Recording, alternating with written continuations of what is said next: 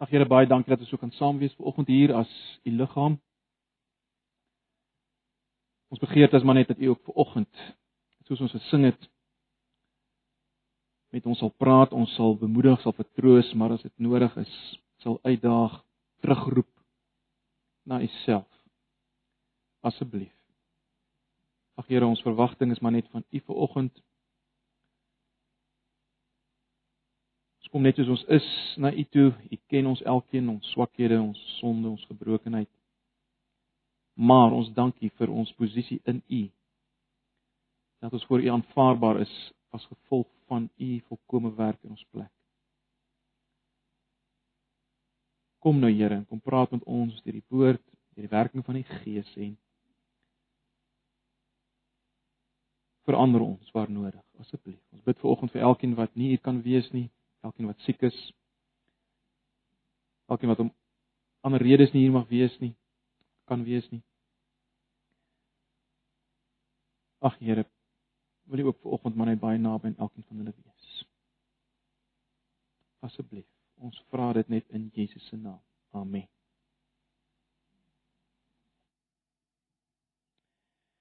Nou ja, broers en susters, ons is nou al 'n rukkie besig met Hebreërs. Ek dink julle almal het nou al begin insak in Hebreërs by julle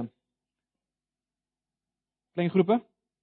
Kom ons uh, bly vanoggend na Hebreërs hoofstuk 2. Ons het nou klaar gemaak met uh, hoofstuk 1.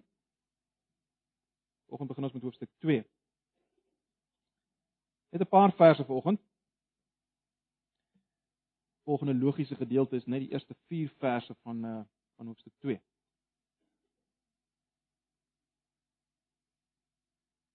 Ek lees die 83 vertaling. Vers 1. Om hierdie rede moet ons soveel kragtiger vasgryp aan wat ons gehoor het sodat ons nie dalk wegdrywe nie. As die woord wat deur engele gepraat is bindend was en elke oortreding en ongehoorsaamheid regmatig gestraf is. Hoe sal ons dan ontkom as ons so groot saligheid verontagsaam het? Hierdie saligheid is immers deur die Here verkondig. Deur wie dit sy oorsprong het en dit is aan ons bevestig deur die wat dit gehoor het. Daarby het God ook saam getuig deur tekens en wonders en ook deur allerlei kragtige dade en gawes van die Heilige Gees soos hy dit toebedeel het volgens sy wil. Net daai eerste vier verse. Nou, ek dink julle sal my saamstem. Ehm um, om op die oop see te wees met 'n boot en uh dan die die engine aan af af te skakel en jou hand af te neem van die uh van die stuur en rustig te gaan lê en slaap in die boot. Dis gevaarlik. Dit kan uiters gevaarlik wees. Want stadig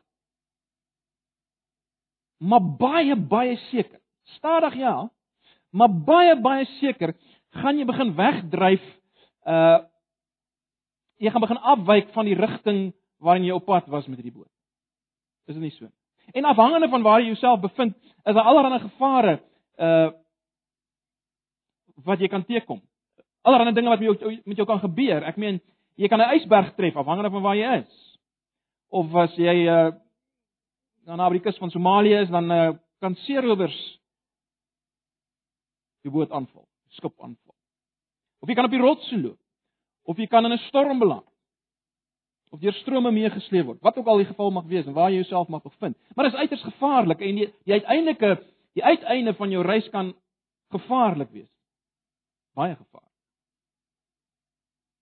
Nou, in ons geleesde gedeelte waarsku die die die skrywer van die Hebreërbrief dat dit geestelik gesproke dat dit geestelik gesproke moontlik is vir gelowiges om te begin wegdrywe met uiters gevaarlike konsekwensies. En ons moet vanoggend dit hoor.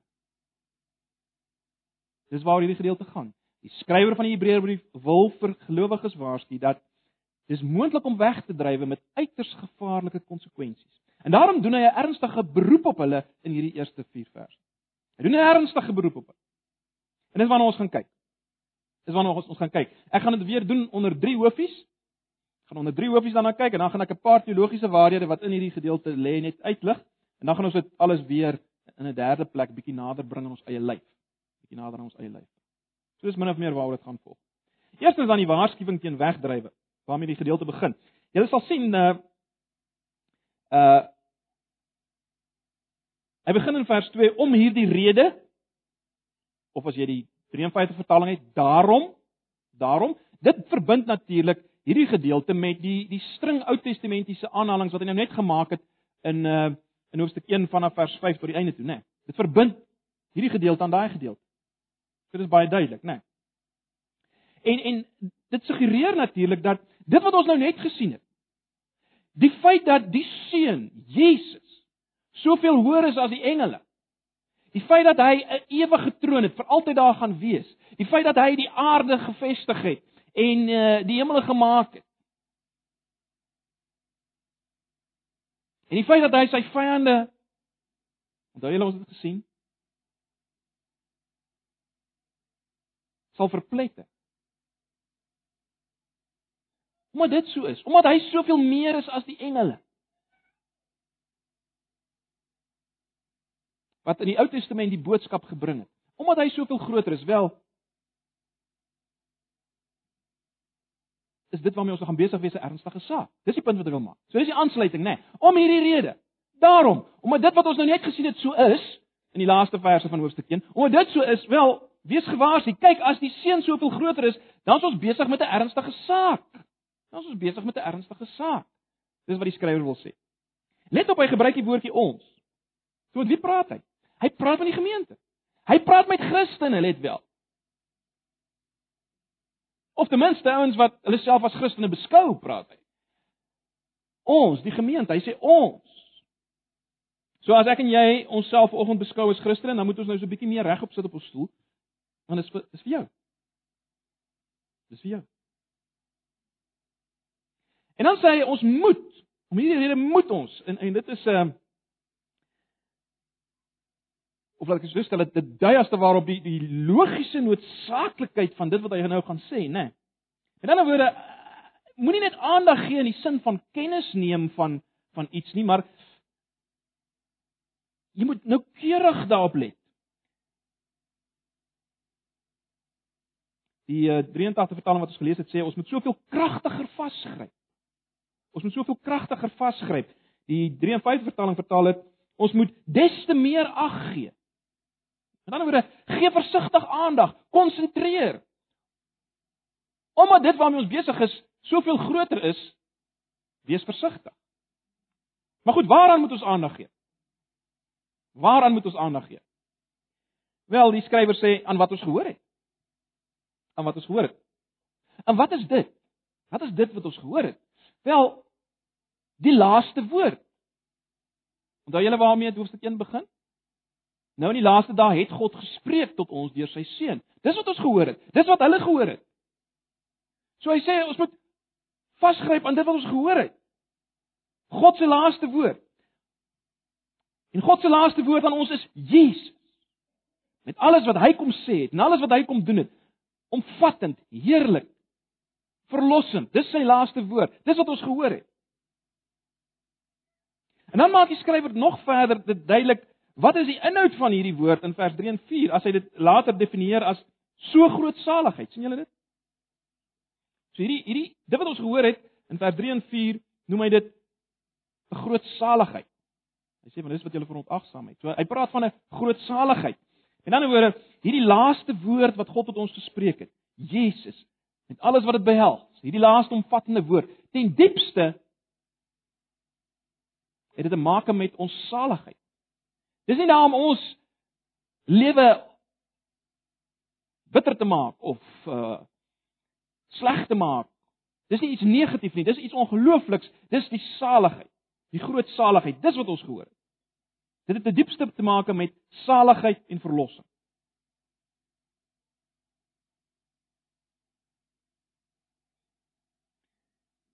Nou, terug na vers waarmee ons nou besig is. Hy gebruik die beeld van wegdryf en dis 'n kragtige beeld natuurlik hierdie. Uh nou die woord wat hier gebruik kan word, wat hy gebruik vir vir wegdryf, dit, dit kan dui op 'n voorwerp wat wat wegglip of afglip soos 'n ring wat van 'n vinger afglip of dit kan dui op iets wat uh, 'n voorwerp wat in 'n verkeerde rigting beweeg soos 'n uh, kom ons sê iets wat in jou lugpyp beland wat nie moet beland nie. Dit kan alles daarop dui, maar ek dink die beeld wat die skrywer hier in gedagte het, is die een waarby ek nou aangesluit het in die in die inleiding. Dis die beeld van 'n skip. 'n Skip wat wegdryf en wat wegdryf van die hawe as ek dit so kan stel. Wat die hawe mis as gevolg van hierdie wegdryf deur verskillende redes of dit nou winde is of stroming of wat die geval mag wees. Uh die die skrywer definieer terloops, hy definieer nie die die strominge en die winde en die dinge waardeur weggedryf word nie. Dit hy praat nie regtig nou daaroor. Dis nie wat waaroor hy nou hier praat. Maar dit is baie duidelik die gevaar dit waartoe waaroor hy praat in vers 1 is 'n wegdryf van van 'n plek waar jou fokus hierdie laaste woord is of dan hierdie groot saligheid. Dit wat jy gehoor het as Christen gehoor het. Van wie? Hy praat oor 'n oor 'n wegdryf van 'n plek waar hierdie hierdie ding jou fokus is. Hierdie hierdie woord wat jy gehoor het. En dit bring ons by die tweede ehm um, hoofie as jy wil. Die motivering om gehoor te gee aan hierdie vermaaning. Skryf dit in vers 2 tot vers 3a. Die motivering om gehoor te gee aan hierdie vermaaning. Hy sê as ons die woord wat deur engele as die woord wat deur engele gepraat is bindend was vers 2 en elke oortreding en ongehoorsaamheid regmatig gestraf is vers 3a hoe sal ons dan ontkom as ons so groot saligheid verontagsaam het? Nou wat die skrywer hier doen is 'n baie bekende tegniek wat die rabbies in daai tyd gebruik het.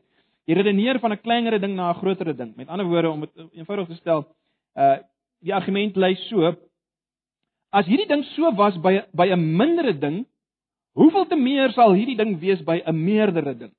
En dan sit 'n logiese antwoord, né? Nee. Dis weer 'n so 'n soort van amper 'n retoriese vraag. Die die antwoord is baie duidelik, né? Nee. En dis waaroor dit hier gaan. Wat is die kleinere ding in hierdie geval? Let op wat ek sê. Wat is die kleinere ding in hierdie geval?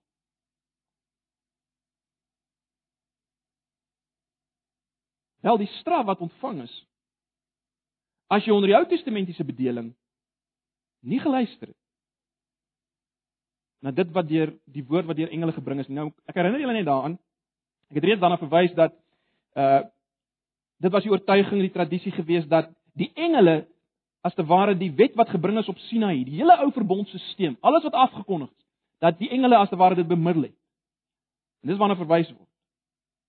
En dis die dis die kleinere ding hoor in hierdie argument van die skrywer. En nou kom die skrywer en herinner hulle daaraan daai boodskap van die ou verbondstelsel wat deur engele bemiddel is. Daai boodskap was bindend geweest. En ignorering daarvan het straf gekry. In ander woorde dis nooit as as iets lig beskou deur God nie. God het nooit dit geïgnoreer nie. Hy's besig met die kleinere ding, hoor, in sy argument. Hy sê dit het nooit dis nooit oorgesien deur God nie. Dis nooit as lig beskou deur God nie. Nee, elke oortreding, sien julle dit? Elke oortreding het regverdige straf ontvang. Nou hy praat van oortreding en ongehoorsaamheid. Dis die twee woorde wat hy hier gebruik. En en en uh, later in die brief is dit baie duidelik dat dit dit gaan oor onwilligheid om na God se stem te luister, né? Nee, bewuste verwerping van God se wil. Sy woord. In elke vorm daarvan. Elke vorm van hierdie verwerping van God se wil. Elke vorm van hierdie onwilligheid om na God se stem te luister in die Ou Testament. Elkeen van dit het regverdige straf ontvang. Met ander woorde straf wat by dit pas ontvang. Dis sy kleiner argument. Elkeen daarvan het straf ontvang. Elkeen van hierdie kleiner. Dis sy kleiner argument. Of die kleiner deel van die argument. Wat is die groter saak?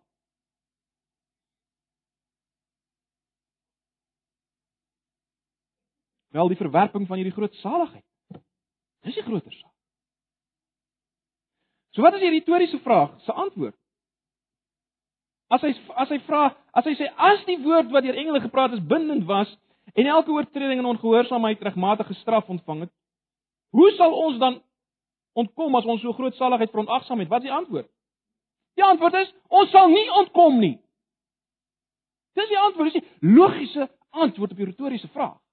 Ons sal nie ontkom ons wat so groot saligheid verontagsaam. Ek dink dis baie duidelik, is dit nie? So wat is die punt? Die punt is as God gestraf het in die ou bedeling by die oortreding van 'n kleiner, minder belangrike saak, as jy dit so kan stel, as God by daai minder, kleiner saak regverdiglik elke oortreding gestraf het, hoeveel te meer sal hy dit nou doen as dit kom by die groter saak? Dis die argument van die skrif. Hoeveel te meer sal hy dit nou doen as dit kom by die groter saak? Ag, dink jy daaraan as as 'n belangrike persoon vir jou vir jou e-posse stuur en SMS'e stuur en jy ignoreer dit, dan gaan dit erg wees. Dit sal dit sal baie erg wees, maar maar as daai belangrike persoon, kom ons sê die president van 'n land of 'n koning of of wie die wie dit ook al mag wees, as as hierdie persoon self opdaag en jou iets vra en jy ignoreer dit. Hoeveel slegter sal dit wees? Hoeveel erger, hoeveel gevaarliker sal dit wees? Dis iets daarvan wat wat die skrywer hier probeer uitlig. Dis gevaarlik waarmee jy besig is. Hy gebruik die woord verontagsaam. Hy sê ehm um, hoe sal ons dan kom as ons so groot saligheid verontagsaam het? Wat bedoel hy met verontagsaam wel? Verontagsaam beteken dat jy iets verwaarloos deur 'n apatiese houding, né? Nee, jy gee nie regtig aandag daaraan. Jy verontagsaam dit. Nou ek hoop julle sien ietsie so raak nou. In die ou bedeling is elke ongehoorsaamheid, ongeregtigheid en ongehoor of oortreding en ongehoorsaamheid. Elke oortreding en ongehoorsaamheid het straf ontvang. Nou sê die skrywer in hierdie groter saak as jy verontagsaam sien julle dit? Jy moet net hierdie woord verontagsaam. Jy hoef nie 'n doelbewuste oortreding te maak. Daar hoef daar hoef nie doelbewuste ongehoorsaamheid te wees nie. Daar moet net 'n verontagsaming wees. Daar moet net 'n apatiese houding wees. Daar moet net ag wat laat God se water oor God se akker loop. Laat dit maar net aangaan wees. Dis al wat daar hoef te wees. En dan loop jy 'n groter gevaar om straf te ontvang in hierdie bedeling. Dis die punt. Dis die argument. Dis die punt wat ek wil maak. So die punt is baie duidelik. As jy min omgee oor hierdie groot saligheid of as jy wil hierdie woord van verlossing, as jy min nou daarvoor omgee, sal jy nie straf ontvlug.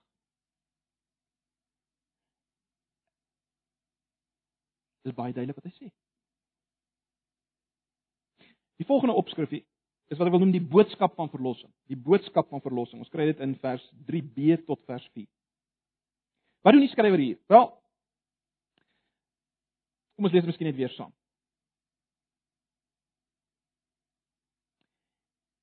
Vers 3b. Hierdie saligheid is immers deur die Here verkondig, deur wie dit sy oorsprong het en dit is aan ons bevestig deur die wat dit gehoor het. Daarby het God ook saamgetuig deur tekens en wonders en ook deur allerlei kragtige dade en gawes van die Heilige Gees soos hy dit toebedeel het volgens sy wil. So die skrywer kom wys hier wat het histories gebeur met hierdie laaste woord. Wat het histories gebeur in die geskiedenis? Want dit is belangrik om dit te weet as ons verder wil weet hoe belangrik hierdie saak is. Wat het gebeur daarmee? Hoe hoe hoe dinge verloop in die geskiedenis? En hy kom dan en hy sê hierdie hierdie saligheid hierdie saligheid of hierdie verlossing is eers deur die Here verkondig of aangekondig. En dan word ja, dit is in die Ou Testament geprofeteer, maar eintlik het hierdie saligheid eers regtig op die toneel verskyn toe Jesus gekom het en toe hy dit verkondig het. Uh, dink aan Markus 1 vers 5 as Jesus sê die koninkryk van God het naby gekom.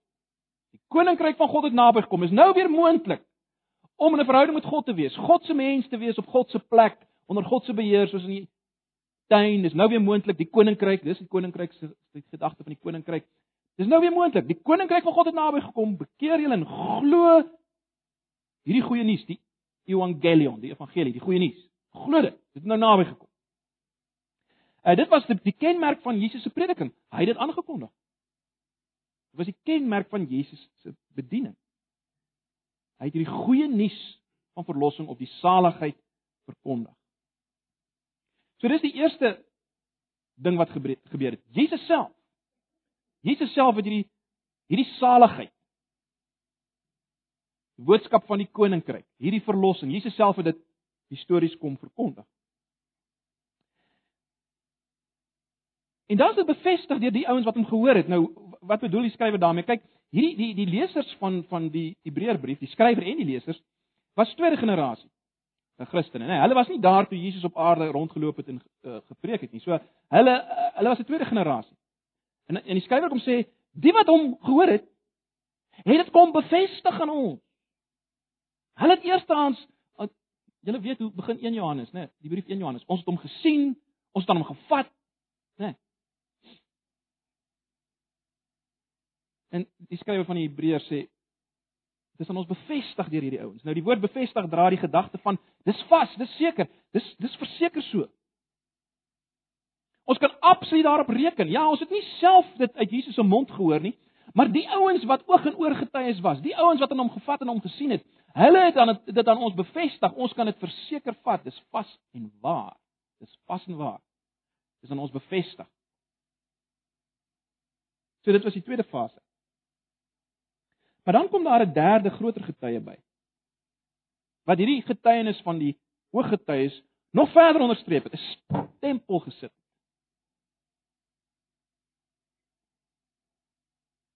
Kyk wat sê hy in vers 4. Hy sê God het saamgetuig met tekens en wonders en gawes van die Heilige Gees.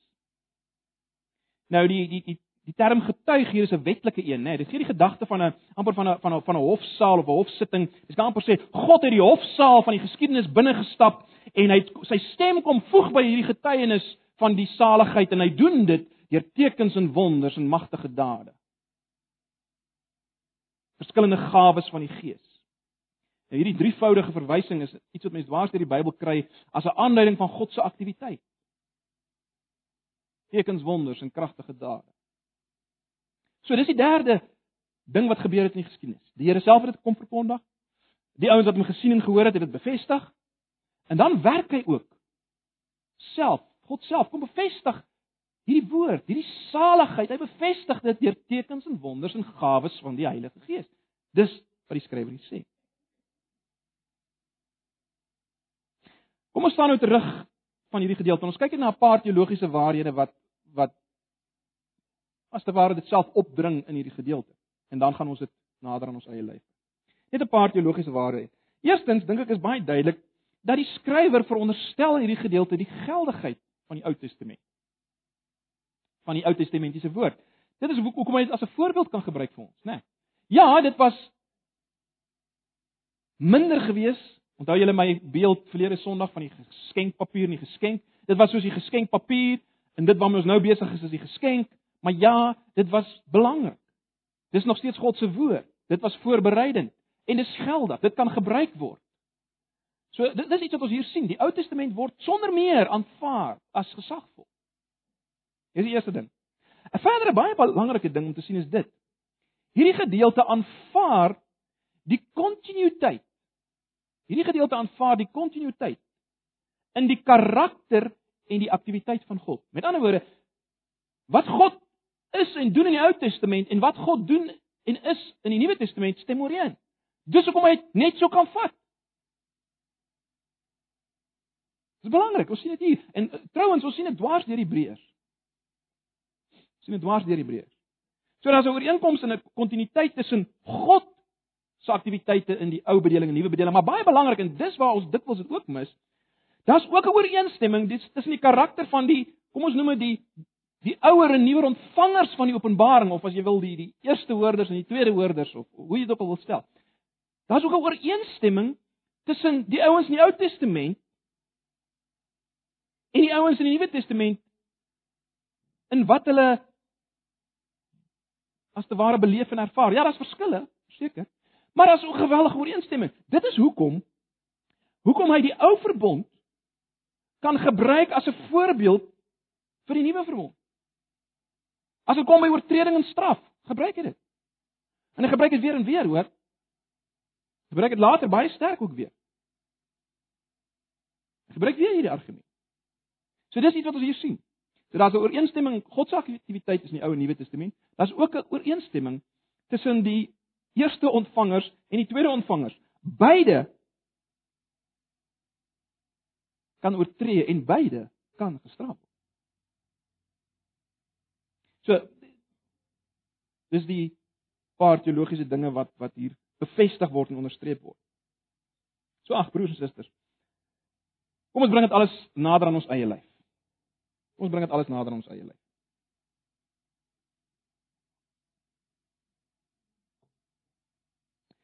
Ek dink die waarskuwing wat wat ons hier kry, is 'n waarskuwing wat wat Christene weer en weer moet hoor. Elkeen van ons, van my wat hier voor staan tot elkeen wat hier sit. Elkeen van ons moet dit weer en weer hoor. Miskien vir al die van ons wat vanoggend uh, as jy 'n kind is, deel is van 'n Christen gesin en ons wat nou deel is van hierdie gemeente. Miskien is dit vir al ons wat dit moet hoor. Ons wat deel is van 'n gemeente of deel is van 'n Christen gesin. Hoekom hoekom hoekom stel ek dit so? Omdat ag broers en susters, dis so maklik vir ons om net te begin dryf. As ek dit so kan sê. Dis so maklik om net te begin dryf. Jy sien die punt is jy hoef eintlik niks te doen nie.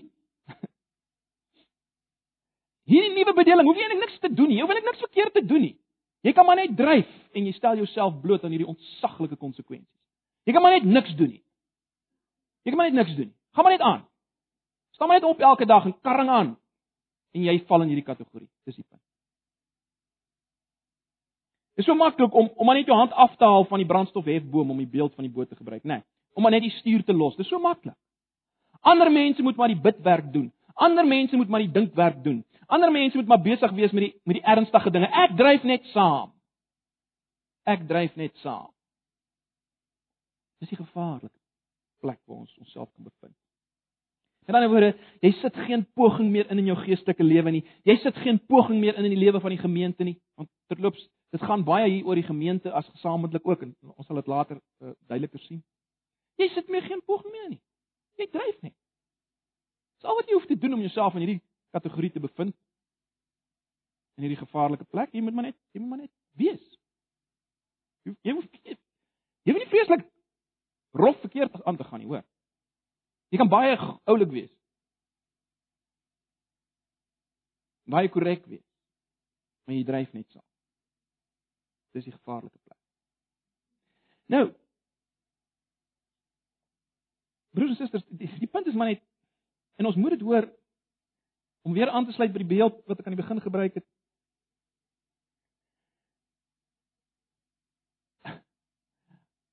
As jou eie motor nie loop nie, as ek dit so kan stel, en as jou hand jou eie hand nie op die brandstofhef is nie, dan gaan jy wegdryf. Ons moet dit miskien onderstreep. Dan gaan jy weg. Nie net 'n moontlikheid. Dis 'n sekerheid. Jy gaan weg.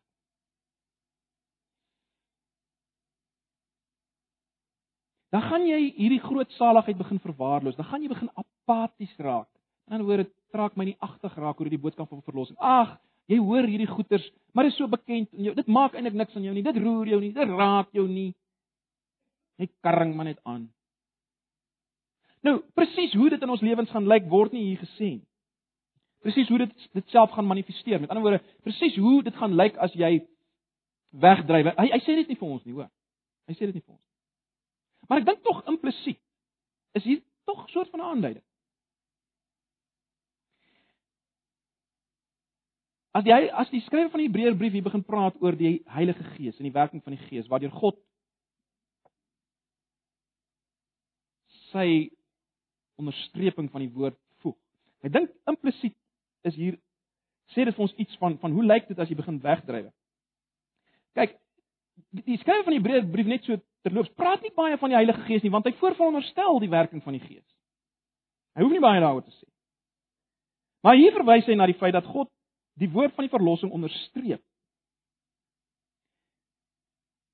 En dan word waar mense, kom ek stel dit so, waar mense vashou aan die woord van die verlossing, daar is die Gees teenwoordig. En daar onderstreep God as te ware die feit dat daar besig dat mense besig is met die woord van verlossing. Hy onderstreep dit. Kom ons sê dit dadelik mekaar. Ons moet mekaar nie verkeerd verstaan nie. Ons het ons gekyk het na Hebreërs 1 baie duidelik gemaak, Jesus is God se finale omvattende woord. Dis wat hy vir ons sê. Alles wat Jesus is en wat hy kom doen het, hy kan nie meer omvattend praat en kom kommunikeer met ons nie. Maar broers en susters, as ons dit sê, beteken dit nie hy kom bevestig nie daai woord en hy onder onderstreep dit nie en hy kom lig dit nie uit nie en hy kom pas dit nie toe deur die werking van sy gees nie. Dis nie wat ons sê nie. Dit beteken nie hy's nie meer absoluut aktief betrokke hier en nou deur sy gees in hierdie bedeling nie. Ons moenie daai fout maak nie. Ons moenie dink omdat sy woord omvattend is, finaal is, absoluut dat hy nie meer daai woord gebruik nie. En bevestig en onderstreep en duidelik maak nie. Praat en werk daardeur nie. Ons moet vir mekaar sê broers en susters, ons moet baie mooi verstaan Die Heilige Gees en sy gawes en sy werkinge was nie uh beperk tot die tyd van die apostels nie. Dis nonsens. Moenie dat iemand vir jou dit vertel nie. Dis die gawes is gegee vir die gemeente, nooit vir die apostels nie. Gaan lees die boek Handelinge en kyk wie's die ouens wat die gawes van die Gees openbaar het. En die krag van die Gees openbaar was ouens soos gewone die Jakobus, so Stefanus en die manne, nie apostels nie. Dis gegee vir die gemeente. Dis gegee vir die gemeente. Dis gegee vir sy liggaam totdat hy weer kom. Alles, alles, alles wat in Jesus as persoon saamgevat was in een persoon, al die gawes was in hom Jesus saamgevat. Dis nou versprei deur sy liggaam. En elke gemeente sal daarvan hê. Soos God dit wil vir die opbou van daai gemeente. Maar dit wat in Jesus was, sal nou in sy liggaam wees. Die werkinge van sy gees. Ons mag nie dit mis nie, broers en susters. So wat is my punt?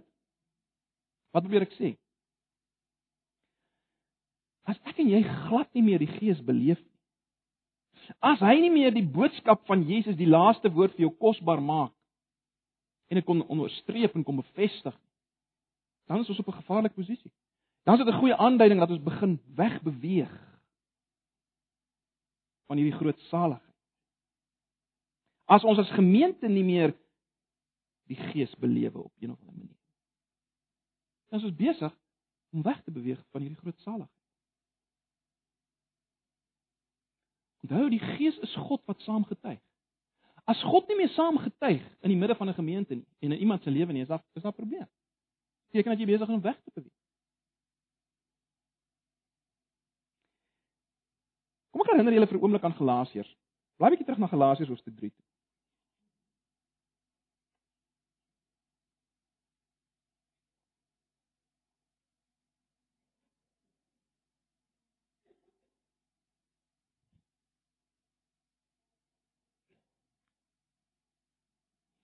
Nou, net so terloops die ooreenstemming in Galasiërs was daar ook die gevaar net soos in die Hebreërbrief dat ouens in hulle wegdrywe begin terugval het op allerlei rituele en gebruike van die ou verbond.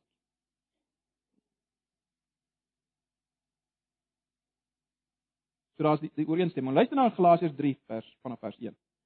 Julle Galasiërs, is julle dan so sonder begrip Weet julle verstand benevel Jesus Christus is tog so duidelik aan julle verkondig dat julle mas te ware aan die kruis kan sien hang. Dis dis maar dieselfde wat in die Hebreër gemeente was. En dan belangrik, net een ding wil ek van julle weet.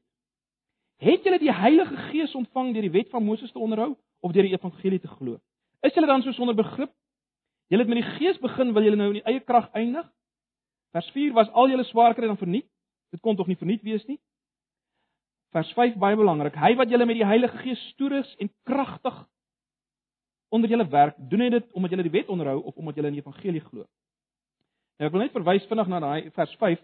Die nuwe vertaling vertaal dit hy wat die Heilige hy wat met die Heilige Gees stoerus en kragtig onder julle werk. Die meer letterlike vertaling kry ons in die 53 vertaling. Hy wat julle dan die Gees verleen en kragte onder julle werk. Dit het gebeur in die Galasiërs gemeente. Die Heilige Gees het kragte onder hulle gewerk. Die NIV vertaal dit met uh does God give you his spirit and work miracles among you because you observe the law or because you believe what you heard? Wat is die punt wat ek kom? Hier in die Galasiërs gemeente, die argument van Paulus is luister. Julle wil nou terugval op op al hierdie werke van die wet. Maar die Gees se werking is gekoppel aan geloof. Waar daar geloof is in wat? Geloof is in Jesus wat voor julle afgeskilder is. Geloof in die laaste woord. Geloof in hierdie groot saligheid. Daar werk die Gees. Nie Galasiërs, hulle weet mos, die Gees het kragte onder julle gewerk. Hy's werksaam daar waar geglo word. Let, let wel, sien julle dit? Waar die evangelie geglo word. Nie waar allerlei triks uitgevoer word nie. Snaakse dinge gedoen word. Nee nee, waar Jesus geglo word. Die een wat afgeskilder is asof hy gekruisig is onder hulle. Daar het die Gees as te ware gewerk dat dinge gebeur. Hoe jy dit ook al wil interpreteer. So my argument is dit. As daar nie meer geloof is in die finale woord Jesus nie. As daar 'n apatiese houding is teenoor hierdie finale woord Jesus, dan sal die Gees al meer en meer begin onttrek en dan sal niks meer gebeur nie. Geen kragtige dade meer. Dis 'n realiteit. Broers en susters, dis 'n realiteit. In ons eie lewens en die lewe van 'n gemeente. Ek sluit af. Waar staan jy? Persoon. Waar staan ek? Waar staan ons as gemeente? Het dit dalk begin wegdryf? Ja, dit word nie eksplisiet vir ons uitgelig nie. Ons weet weet nie presies hoe sal dit lyk nie. Ek het nou iets gesuggereer. Verder meer weet ons nie presies wat die straf sal wees. Maar ek dink die waarskuwing en die oproep is baie duidelik. Ek dink die waarskuwing en die oproep is baie duidelik. Ek sluit af met 'n laaste drie punte wat ek net wil uitlig. Die eerste ding wat ons moet raak sien hier broers en susters is dit. Ek en jy as Christen en as gemeente moenie dink ons is bo wegdryf en bo straf nie. Moenie verval in 'n lui lekker eenmal gered altyd gered houding en dink ek is bo wegdryf en bo straf nie. Dit werk nie so. En dan ek hoop die Hebreërbrief skit ons daar. Jy is nie bo wegdrywe en bo straf nie. Dis die eerste ding wat ons moet vat. En ons gaan dit nou later weer sien in die Hebreërbrief. Die tweede ding wat ons net moet raak sien is die Heilige Gees deur die skrywer roep vanoggend jou op tot jou persoonlik op tot verantwoordelikheid en kommitment of toewyding. Die Heilige Gees roep jou op tot verantwoordelikheid en toewyding, kommitment vir jou. Jy moet kommit. 'n Derde ding wat ons moet sien is daar is en sal implikasies wees as jy begin straf. Ag as as jy begin dryf, ekskuus, as jy begin wegdryf. Daar sal implikasies wees as jy begin wegdryf. God straf dit, dis baie duidelik. Hoe presies hy dit doen, weet ons nie broers en susters. Maar ek het al vir julle daarna verwys in 1 Korintiërs 11 is daar baie interessante geval, né? Nee. Uh Paulus praat oor die gemeente wat ligtelik omgaan met die nagmaal. Hulle wil self kom dronk drink by die nagmaal en kom dik eet by die nagmaal. Nie ge-worry wat gaan by die nagmaal wat gebeur eintlik by die nagmaal nie. En dan vra Paulus die vraag en hy sê Daar's baie siek onder julle en sommige het al gesterf. Hoekom? Punt wat Paulus maak is dit, dis die rede. Julle speel met hom.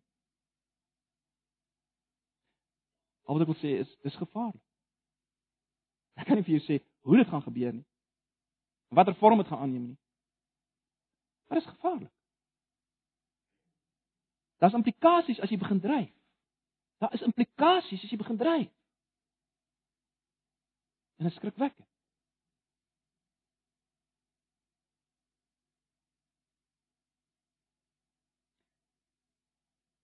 Die oplossing, laastens, die oplossing.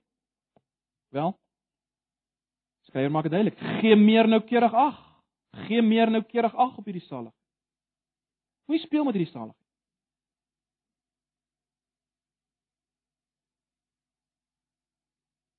Dis 'n werklikheid.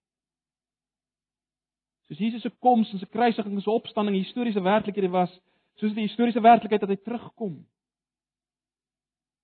Ons is besig met werklikhede. Moenie wegdryf. Geen nou keurig ag.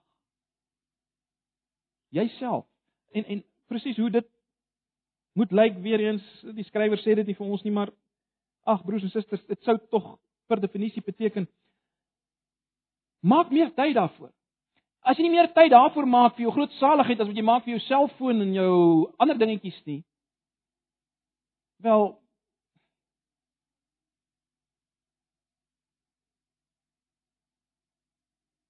dan let jy nie noukeurig daarop. So maak tyd daarvoor. Koester dit. Raak besig daarmee. Het verlede Sondag het ons gepraat oor die geskenkpapier. Los die geskenk, moenie te veel besig raak met die geskenkpapier nie. Raak besig met die geskenk Jesus. Die laaste woord. Raak opgewonde daaroor. Raak besig daaroor. Lees daaroor, dink daaroor, bid daaroor. Spandeer tyd daarmee. Anders gaan jy weg. Anders gaan jy weg. Ag broers en susters, dis dis die woord vir uh, vanoggend.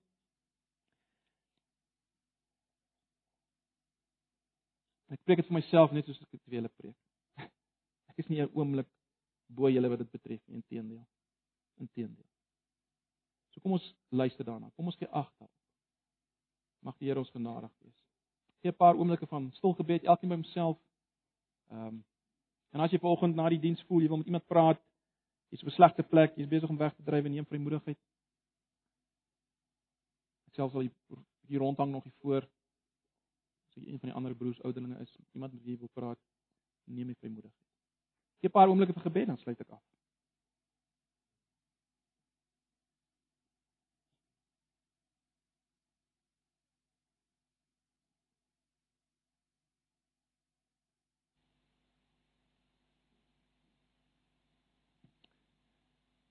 Here Jesus, U ken volgens elkeen van ons, U ken ons harte, U weet presies waar ons staan. Nie een van ons weet waar die ander een volgens staan omdat langs ons sit, voor ons sit of agter ons sit nie. Of U voor staan. Maar U weet dit. U weet dit presies. Ons kan nie U mislei nie. En daarom wil ek maar net bid saam met my broers en susters en vra, Here, wees ons genadig. Wil U nie weer ons almal kom oproep tot 'n noukeurige let op die groot Wil nie ons wat begin dryf het terugblik uit genade nie. Nie wil nie in ons midde kom beweeg deur die Gees as bevestiging van hierdie groot saligheid. Asseblief. Ons vra dit van U. Ons bly dit van U. En dan vergewe ons, vergewe my waar ons U bedroef. Ons hierdie groot saligheid verontagsaam. Asseblief. Ons vra dit in Jesus se naam. Amen. Kom ons sluit af met 'n laaste